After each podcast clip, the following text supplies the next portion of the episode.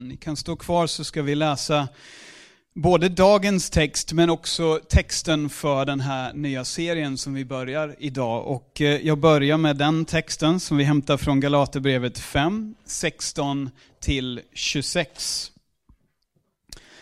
Vad jag vill säga är detta. Vandra i anden så kommer ni inte att göra vad köttet begär. Ty köttet söker det som är emot anden och anden söker det som är emot köttet. De två strider mot varandra för att hindra er att göra det ni vill. Men om ni leds av anden står ni inte under lagen. Köttets gärningar är uppenbara. De är otukt, orenhet, lösaktighet, avgudadyrkan, svartkonst, fiendskap, kiv, avund, vredesutbrott, gräl, splittringar, villoläror, villoläror, illvilja, fylleri, utsvävningar och annat sådant. Jag säger er i förväg vad jag redan har sagt. De som lever så ska inte ärva Guds rike. Andens frukt däremot är kärlek, glädje, frid, tålamod, vänlighet, godhet, trohet, mildhet och självbehärskning. Sådant är lagen inte emot. De som tillhör Kristus Jesus har korsfäst sitt kött med dess lidelser och begär. Om vi har liv genom anden, låt oss då även följa anden. Låt oss inte söka tom ära, inte utmana varandra och inte avundas varandra. Och så kliver vi in i dagens text, som är första Korinthierbrevet 13, 4-8. Kärleken är tålig och mild. Kärleken avundas inte, den skryter inte. Den är inte uppblåst, den uppför sig inte illa. Den söker inte sitt, den brusar inte upp, den tillräknar inte det onda. Den gläder sig inte över orättfärdigheten, men har sin glädje i sanningen. Den fördrar allting, den tror allting, den hoppas allting, den uthärdar allting. Kärleken upphör aldrig. Det här är Guds ord till oss idag. Varsågod och sitt. Och Välkommen fram Daniel. Tack. I höstas så firade mina föräldrar 50 år som gifta. De har levt och spenderat typ två tredjedelar av sitt liv, sitt, eh, sina ja, liv har de spenderat tillsammans. Um, och jag vet inte om du har tänkt på det när du ser två äldre människor som, som riktigt gamla människor. Som har levt väldigt länge. Jag tycker det är väldigt vackert när man ser den här... Ja, men bara, det, finns, det finns fortfarande, i många fall finns det fortfarande här en, en glödande, påtaglig, synlig kärlek som syns. Och det är klart att efter väldigt många år tillsammans så påverkar man, formar.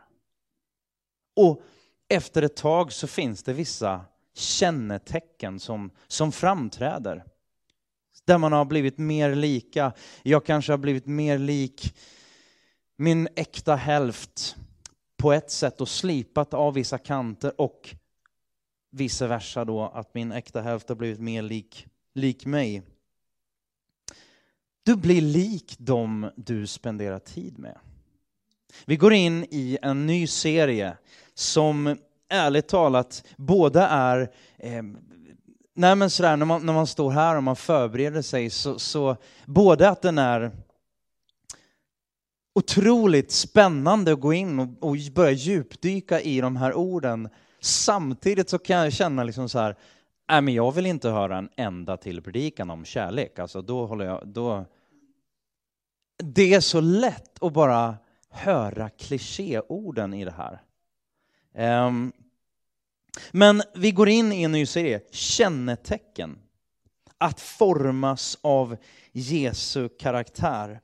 Och jag tänker sådär, alltså vilka stora ord egentligen. Jag tror att de flesta på den här jorden som, som känner till vem Jesus var, för rent historiskt så, så är de, de flesta historiker ensamma om att det fanns en snubbe som hette Jesus. Åtminstone, vare sig man tror att han är Guds son eller inte. Och man är nog ganska ensam om att han var väldigt annorlunda. Och han uppenbarligen, det är ju fakta, liksom, 2,3 miljarder människor, minst, det kanske är fler nu, eh, Eh, som bekänner sig som hans efterföljare. Då har man gjort något avtryck, vare sig man eh, liksom vill eller inte. De flesta håller ändå med om att han, den här Jesus, hade någonting som var eftersträvansvärt. En god lärare. En, en, en, en, en människa som hade fantastisk moral. Som satte andra framför sig själv, som myntade sådana här enorma uttryck som är så jobbiga att leva med. Behandla andra så som du själv vill bli behandlad, etc. Är det någon som tycker det är jobbigt att leva efter det? Jag tror att det är tuffare. Vi gillar ju dem.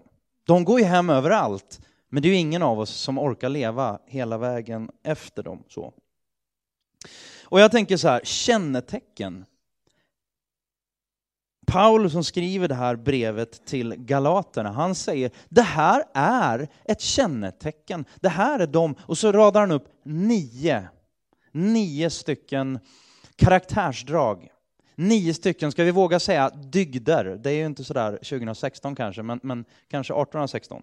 Um, ehm, men det finns ord där som, som bara de här dygderna, de här kvaliteterna, de här karaktärsdragarna. Så säger han så här, det här är de som går med anden, och vi ska inte, ska inte borra ner oss i just, just personen Gud den helige ande, Eh, vi kommer, vi kommer att, att läsa trosbekännelsen här senare där, där vi talar ut, vi tror att Gud är en och att Gud är i tre eh, person, personas.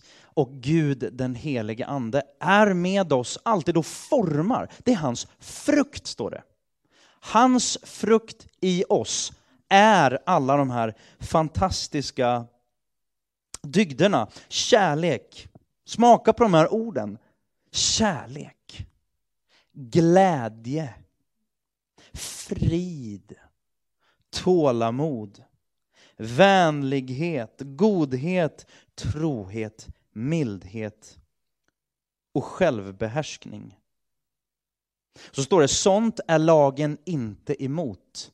Och egentligen skulle man kunna gå ännu längre och säga så här, det är det, det är det här som uppfyller lagen. Jesus säger att det är kärlek, kärleken till Gud.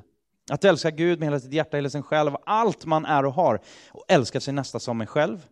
Det är så som lagen uppfylls. Och bara för att vi ska inte gå igenom, vi ska inte göra en utläggning av hela Galaterbrevet den här gången. Men för att säga någonting kort så är det ändå Paulus som skriver ett ordentligt skarpt brev. Det kanske är ett av de absolut mest, eh, alltså han tar ton. Och då kan man ju fråga sig varför gör han det? det? Han, han, han kallar eh, galaterna för, ni har ju blivit förhäxade. Han, han, man läser kapitel 2 och 3 och, och han, han tar, tar tag i dem. Och han, mitt i allt det här så bara är det en sån varm ton han öppnar brevet med och säger bara så stolt över er. Och så lyser det igenom att han känner sig som en far för galaterna. Och en far, han älskar sina barn. Och när de nu börjar gå snett, för de har börjat inte längre följa Gud på det sättet och anden, utan helt plötsligt faller de tillbaka och, och, och liksom vill vinnlägga sig om att vara duktiga. De omskär sig och de, de följer lagar och tycker att de är präktiga och duktiga. Och han säger bara, men ni har missat allt. Ni ska inte längre. Och, och, och vill ni nu göra det, då måste ni följa all lag. Men den lag som som, som evangeliet handlar om, det är ju kärlekens lag, eller hur? Älska Gud över allt annat. Så den här serien handlar om att, och vi får ta till oss en del av det här. Jag hoppas och tror att det kommer vara utmanande, väldigt uppmuntrande och kanske lite provocerande stundtals tänker på provocerande faktiskt. Jag, vi satt och, och, och, igår eh, kväll, vi hade lagt barnen så här och så bara, ja men vi kollar på, det är lagom. Eh, jag hinner innan, innan jag ska ta tag i, i ännu mer av, av förberedelserna för predikan. Så, så tittar vi på Skavlan. Och så tittar vi på eh, när bland annat Agnes Wold eh, var där, professor och överläkare. Eh, och just det här med förutfattade meningar, saker och ting som du och jag bara som standard tänker att exakt så är det ju. Det finns inga, inga dimmor kring det här. Till exempel att det är naturligt och självklart att vi ska tvätta händerna innan vi går till maten. Speciellt när man har barn hemma, så är det bara så här, tvätta händerna för allt i världen. Och hon bara, nej, jag tvättar aldrig händerna innan maten. Och så berättar hon liksom så här, det är bara, hon vände upp och ner på alla våra såna här gamla, gamla tips som vi har lärt oss från, från speciellt från våra mödrar tror jag, ehm, och kanske fäder också. Ehm, det här med att bakterier och, och, och sådär, hur, hur kroppen och så vidare. Ehm, det är bara så lätt att vi tycker vi har koll på saker och så låser vi oss. Och så tar vi det för givet och så kanske vi inte riktigt tar in en del saker. Och den här serien, tänker jag, kommer handla om, den handlar om, den är nio veckor lång, långsiktig, verklig, livsförvandlande förändring. Vem längtar inte efter det? De flesta längtar nog efter det. Och eh, det handlar ju om en förädling av de personer vi är innerst inne. Det kommer inte handla främst om allt det vi kan göra. Även om vi behöver omsätta. Jag ska ta, ta mer om det strax, men, men kärlek. Du, du, kan, du kan göra saker utan kärlek, men du kan inte älska utan att göra. Det är klart att vi, vi måste göra saker och precis som trädgårdsmästaren, min morfar, han var en stolt trädgårdsmästare. Och han var tydligen väldigt, väldigt duktig. Och, eh, nej, men han fick de här, han var, vad kan man säga, eh, han for runt kring, i, i massa trädgårdar hos fint folk. Han hade ingen trädgård själv.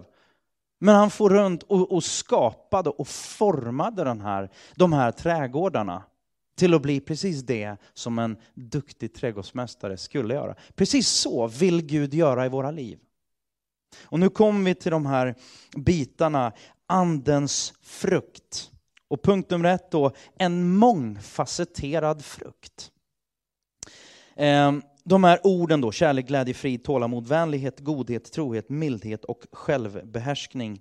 Det är ju helt fantastiska ord och fantastiska dygder. Och innan jag går vidare i det, så låt mig bara väldigt, väldigt kort eh, vända mig till dig som ibland kanske har känt så här, kyrkan det man pratar om i kyrkan kanske inte alltid lyfter fram de attributen som jag tänker är eftersträvansvärda. Jag förstår ju att, att alla de här vackra orden är eftersträvansvärda, men de kanske inte är alldeles enkla att identifiera sig med alltid så.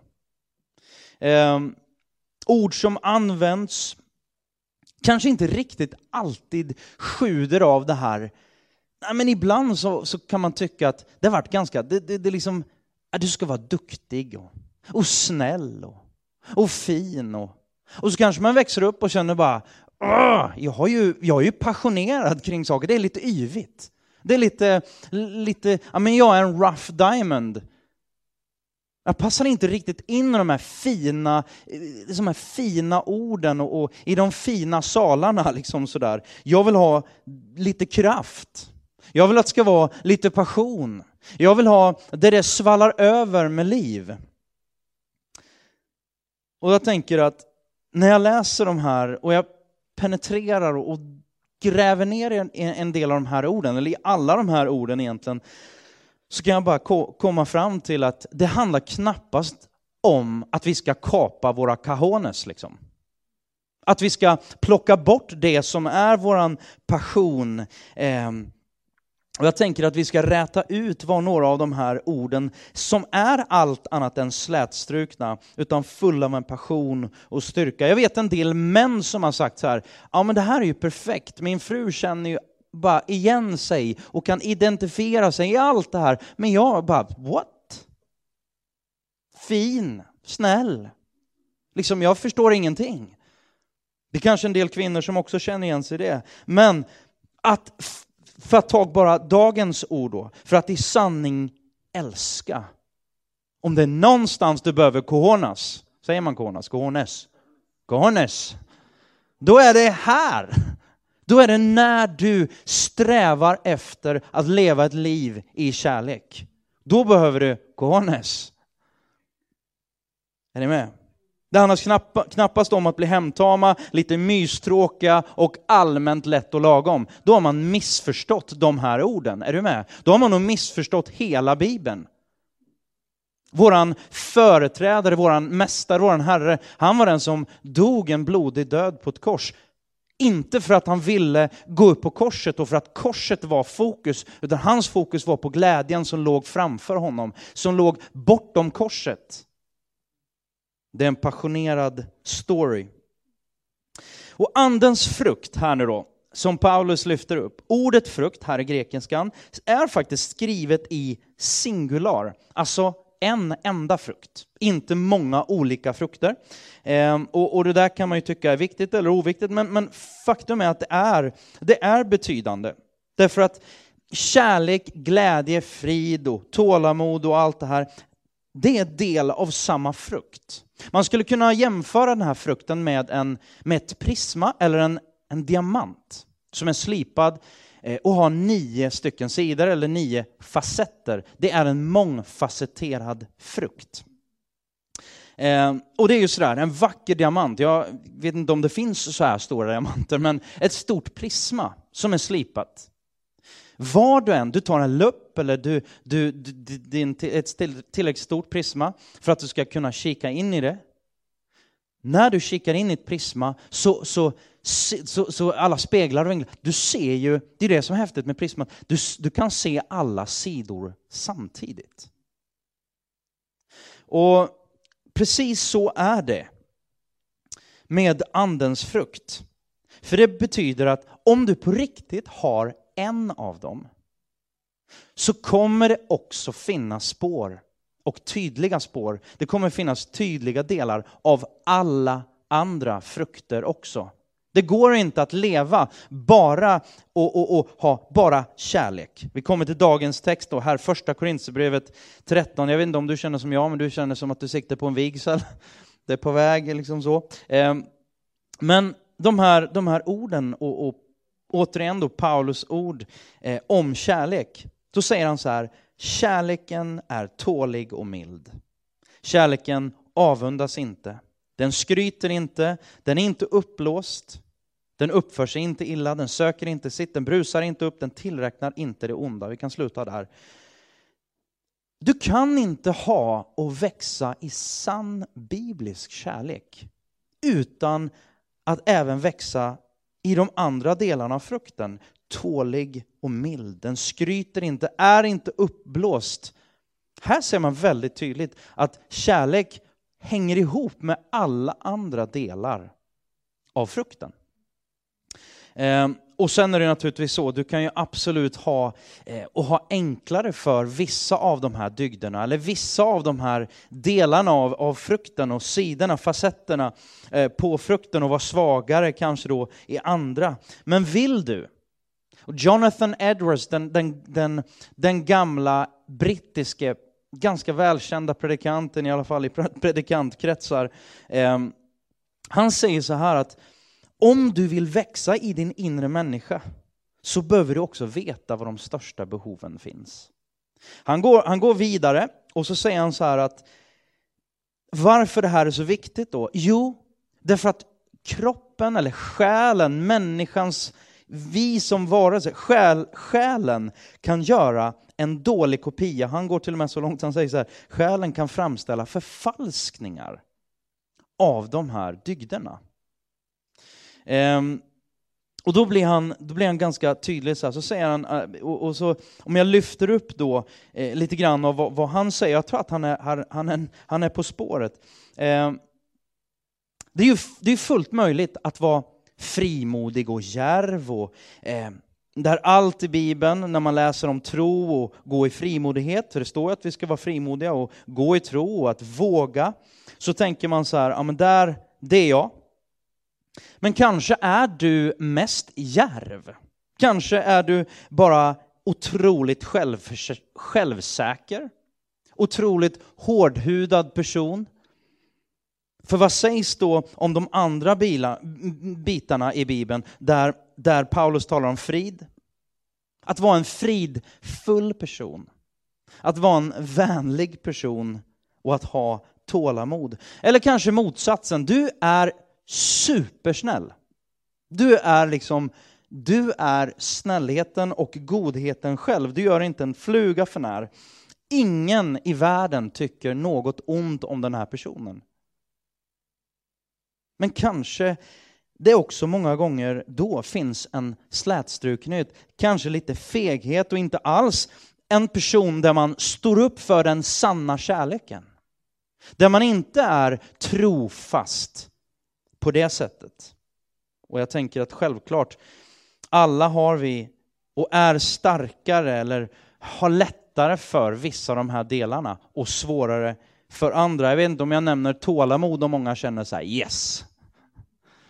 Det kanske, alltså, hela våran kultur, så när vi kommer till den blir det väldigt spännande. För hela våran kultur går ju, eh, det frodas ju inte, vi tränas ju inte direkt i vårt tålamod. Inte vad gäller att vänta i alla fall. Och eh, men vi kan prata om våra naturliga personligheter som producerar olika saker och, och någon som är vänlig men inte trofast. Då är personen egentligen i sanning inte vänlig, inte i Bibelns mening. Att vara vänlig och bara säga vad alla vill höra, men inte vara trofast, inte vara sann, inte vara ärlig. Det är ju inte att vara kärleksfull. Och därmed så är det en förfalskning om man använder Jonathan Edwards ord. Mildhet. En mild person kanske beror på att man har svag självbild. Men här säger, här, här säger Paulus att, att ja, men i, i kärlek, i ödmjukhet, där finns det en mildhet som blir otroligt, otroligt stark. Jesus själv, det står ju att han var full av nåd och sanning. Inte han var 50 procent, han hade 50 procent nåd och 50 procent sanning. Han hade fullt av båda två. Och det är nog Paulus poäng, kan man väl säga här då, att det måste finnas en helhet där. Man kan inte välja fyra av de här nio, eller sju av de här nio, utan Bibeln säger om när du går med anden, när du vandrar med anden, när, när, när, du, när du går med Gud och du relaterar till Gud, vi ska komma till det, men då är det, då händer någonting och då växer du på alla håll och kanter. Det tycker jag låter väldigt, väldigt bra. Väldigt kort om en person som ja, har svartmålats väldigt, väldigt många gånger och naturligtvis inte är någon eh, väldigt rolig och positiv person i, i, i Bibeln. Men det är evangelierna kan vi läsa om Judas Iskariot. Han är kanske inte den här partyprissen. Han är inte den killen som man lyfter upp när man tänker nu ska vi prata om, om, om härligt och nu ska vi prata om, om kärlek. Eh, men bara för att reflektera kort över Judas Iskariot, som vi kan läsa om i alla evangelierna. Vi vet att han var en av de tolv. Jesus valde honom till att, att leva som en av hans absolut närmsta vänner.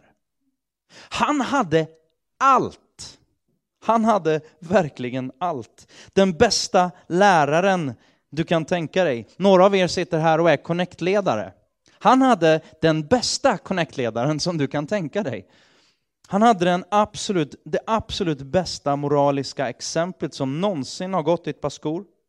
Han fick otrolig träning. Jesus sände ut honom och de andra lärjungarna till att predika evangelium, att be för sjuka och de blev friska, att befria människor från demoner, han kastade ut demoner, etc, etc, etc. Och Judas, han var använd av Gud. Ska, man kan gå ner och prata teologiskt om det här, men bara konstatera att Gud den helige använde i sin, äh, äh, äh, Gud den helige ande använde Judas i sin allsmakt för människornas skull. För de som behövde ett helande. För de som behövde höra evangelium. Men av någon anledning så tillät aldrig Judas och den heliga ande tog aldrig sin boning i honom. Judas framställs ofta som en enormt ond människa. Frågan är, var han verkligen en ond människa? Som, som det syntes på och märktes på. Det är intressant då, för att de som levde honom närmast, de andra elva och Jesus själv, Jesus själv visste eh, att det var han som skulle förråda honom.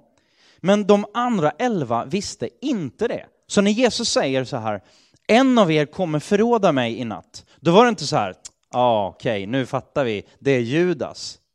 Det var ingen som sa det. Alla sa, oj, är det jag? Kanske var en hel del ödmjuk, ödmjukhet där då.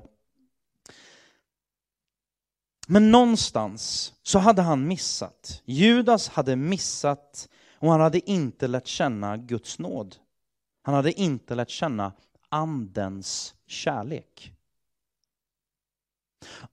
Och det är intressant, vi kan ju läsa, eh, vi läser Matteus 7 och vers 16 23. På deras frukt ska ni känna igen dem. Det här är Jesus som säger det i, i, i, i bergspredikan. Inte plockar man väl vindruvor från törnbuskar och fikon från tistlar. Så bär varje gott träd god frukt. Men ett dåligt träd bär dålig frukt. Ett gott träd kan inte bära dålig frukt, inte heller kan ett dåligt träd bära god frukt. Ett träd som inte bär god frukt blir nerhugget och kastat i elden. Alltså ska ni känna igen dem på deras frukt. Inte ska vara en som säger Herre, Herre, till mig komma in i himmelriket, utan den som gör min himmelske faders vilja. Många ska säga till mig på den dagen, Herre, Herre, har vi inte profeterat med hjälp av ditt namn, och med hjälp av ditt namn drivit ut onda andar, och med hjälp av ditt namn gjort många kraftgärningar? Men då ska jag säga om sanningen, jag har aldrig känt er, gå bort ifrån mig, ni laglösa. Det här är ju, det här är ingen uppmuntrande text. Och Jesus, han, han, vad är det han vill säga? Poängen är, om vi bara vi, vi kokar ner den, det handlar inte om att du ska göra massa saker för Gud. Skulle det handla om att göra massa saker för Gud, då hade Judas, han, han slog varenda en av oss på fingrarna. Han hade gjort enorma saker för Gud, han skulle vinna lätt. Men någonstans handlar det om det ännu viktigare, det inre livet. Och naturligtvis då anledningen och motiven till varför du gör det du gör. Så det ska vi titta på här lite grann nu. Kärlekens grund. För det är så att kärleken som det första av de här dygderna, det ligger till grund för alla andra av de här fantastiska karaktär, karaktärsdragen. Och jag vet inte hur det är för dig, men vissa saker, vissa situationer och vissa händelser i livet har förvandlat mig mer än andra. Eh, helt plötsligt när kärlek kommer in i bilden så gör man saker som man annars tidigare inte gjorde. Man är villig att vara uppe på nätterna. Man är villig att, att flyga jorden runt för att möta den som man, man älskar. Man har ju blivit förstörd med både familj och, och, och, och eh, fru och barn och ja, familj. Man har ju blivit, de har ju förstört lite av glädjen när man är ute och reser utan dem. För någonstans, någonstans så bara, ja men jag, jag har ju mitt hjärta någon annanstans. Det är jättekul att vara iväg. Jag vet inte hur ni kände, ni var iväg och, och reste in i åtta, nio dagar och, och lämnade två av grabbarna hemma. Jag tror det var väldigt bra för både dem och er. Men det är ju tufft samtidigt. Om man längtar hem.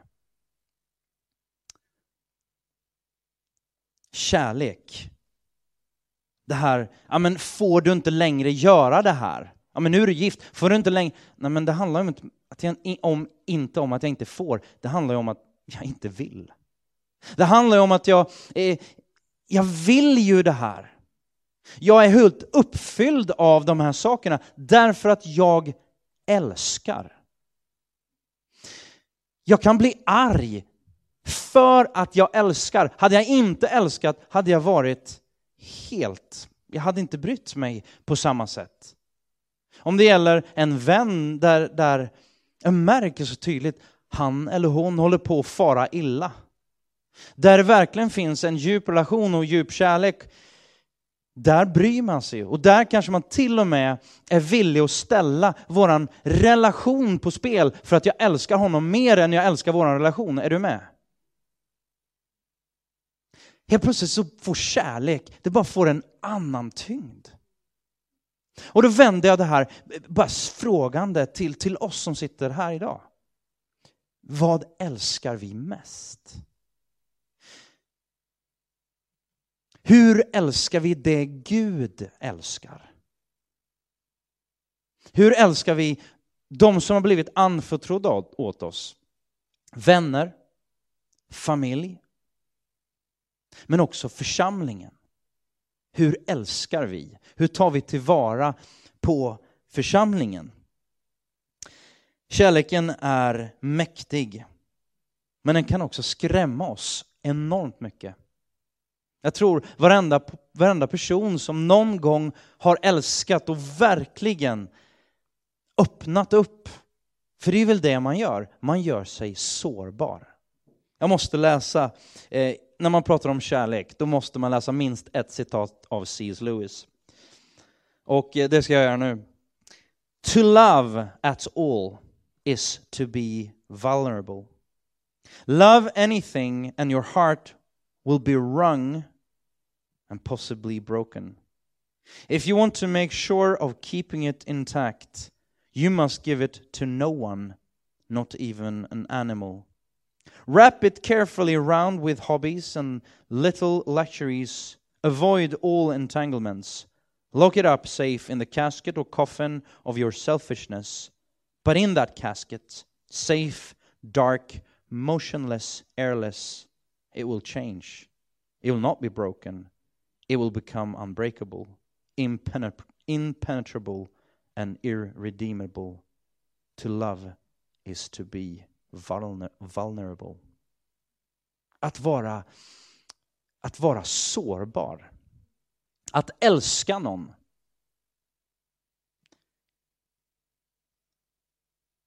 Kärleken kontrollerar inte. Kärleken leder en att välja. Kärleken hjälper en för att jag vill, för att jag älskar. Därför vill jag det här, därför, därför gör jag det här, därför väljer jag att, att eh, gå in i det här. Bibeln lyfter upp eh, flera olika sorters kärlek. Och eh, man kan prata om filia kärlek, eller fileo kärlek. Den omtänksamma kärleken mellan två familjemedlemmar eller två vänner.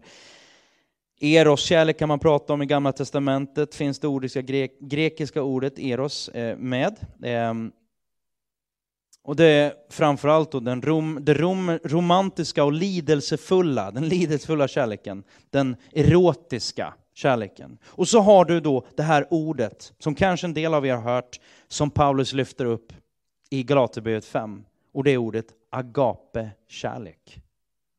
Definitionen på agape-kärlek har kanske en del av er hört, men den är, och den tål att, att eh, påminna sig om, den djupaste och formas, eh, ädla, mest ädla formen av kärlek, den förutsättningslösa och ovillkorliga kärleken. Den självutgivande formen av kärlek. Agape är den kärlek som älskar, inte därför att den söker något älskligt i objektet, utan spontant och omotiverat och helt förutsättningslöst älskar. Det innebär att en tjäna, eh, tjäna en persons bästa snarare än att söka vad personen kan ge dig. Så bara osjälviskt, osjälviskt bara tjäna för en annans persons bästa. Du kan tjäna utan att älska, men du kan inte älska utan att tjäna. Återigen då, första Korinthierbrevet. Om vi lägger upp den på skärmen. Första Korinthierbrevet 13, vers 4 till 8, första delen där.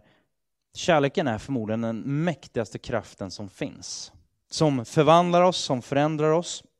Och först då, innan vi tittar på det här, så är, vi kan kolla kort på vad kärlek inte är.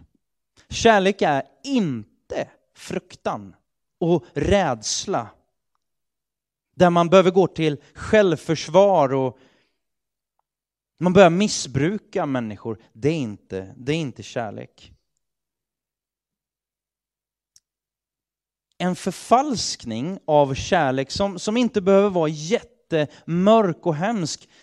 Men det här klassiska, om du är attraherad av någon, det här har man gjort studier på, vem du än är, vilka ideologiska, eh, liksom, vilken utopi du än längtar efter, så ser alla människor först till det yttre. Och avfärdar snabbt en viss kategori eller sparar bara en viss kategori av människor. Där man tittar på bara rent och ramt bara utseende. Och sen går man vidare och tittar på personlighet. Ehm, en del, eh, det visar den här, många studier, men en studie jag bara ehm, läste om, så, så bara, man tittar på status. En del tittar på status mycket, mycket snabbare än man tittar på personlighet. Man tittar på intellektuellt, intellektet, men det har också ofta med status att göra. Vad kommer den här personen göra med mig?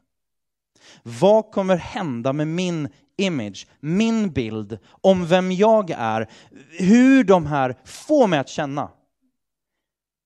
Och så blir man förälskad i den personen. Bibeln menar att det är inte, det är inte agape-kärlek.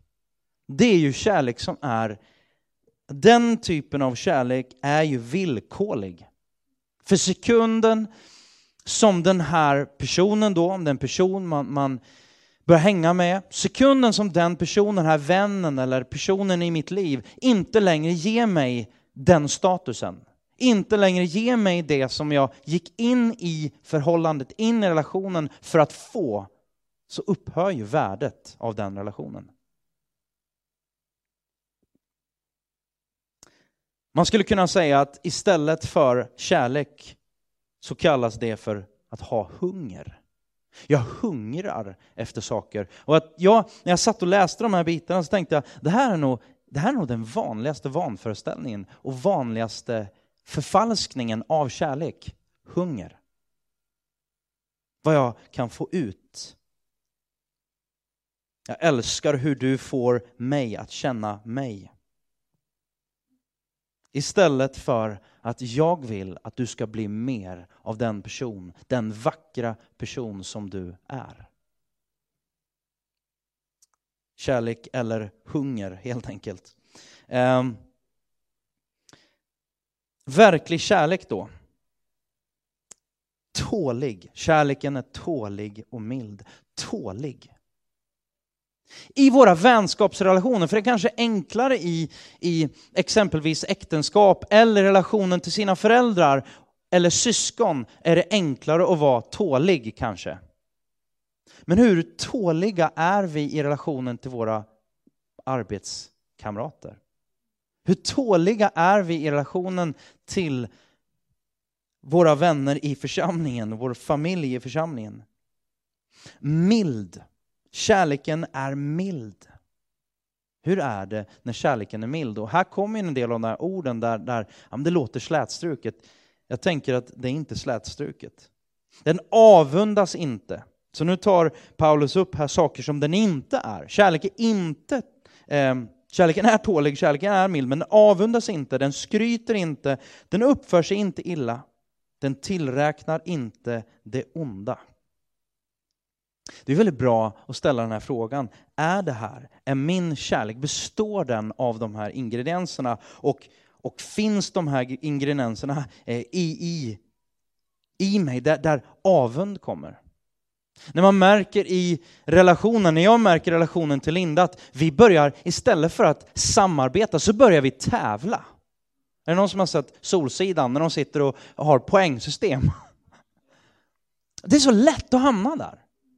Ja, men jag gjorde ju det där för dig och du har inte gjort det där för mig. Och så börjar man jämföra och istället så man tillräknar, man skryter inte, man avundas. Sen fortsätter han, kärleken gläder sig i sanningen. Har sin glädje i sanningen. Glädje, det ska vi komma i. En del av er ser ut att behöva ha mer av det, så det ska vi prata om nästa vecka. Ehm, Kärleken uthärdar. På engelska står det long suffering. Det är jobbigt. Klara av att lida länge. Kärleken gör att man klarar av att lida länge. Kärleken tror allting. Jag tänker att kärleken är lösningsorienterad, inte problemfokuserad. Hoppas allting, ser möjlighet, ser nya perspektiv. Det här, det här ska gå. Uthärdar allting. Och så avslutar han med, i just eh, vers 8 där, kärleken upphör aldrig. Kärleken ger sig aldrig.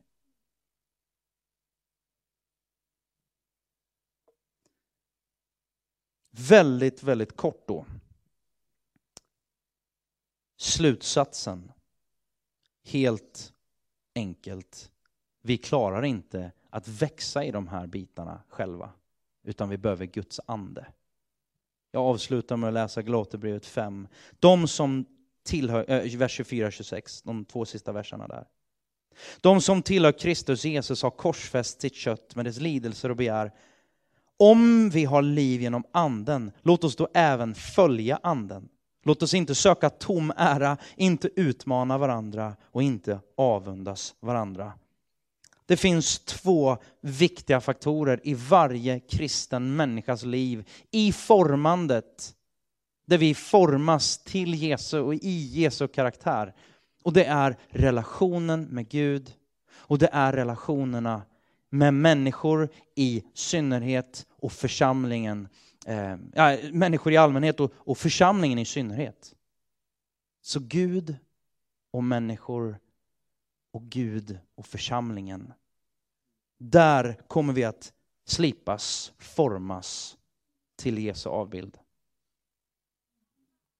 Det är min bön över de här veckorna. Jag vill be till avslutning. Himmelske far. Det är stora ord, det är mäktiga ord. Det är ord som så lätt blir kliché, det är ord som är så lätta att, att de går över huvudet eller förbi oss. Men jag tackar dig. Jag tackar dig för att du utmanar oss och du, du längtar efter att vi ska gå i takt med dig, helige Ande.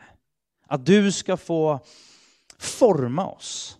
Att du ska få utmana oss. Att du ska få rusta oss för livet. Herre, jag ber att du ska välsigna var och en. Låt oss få växa i de här dygderna.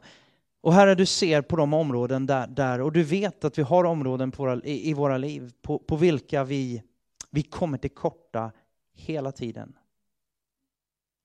Tack för din nåd och tack för din kärlek. Hjälp oss att ta den till oss och växa i nåd och växa i kärlek. Vi tackar dig för det, Herre. I Jesu namn. Amen.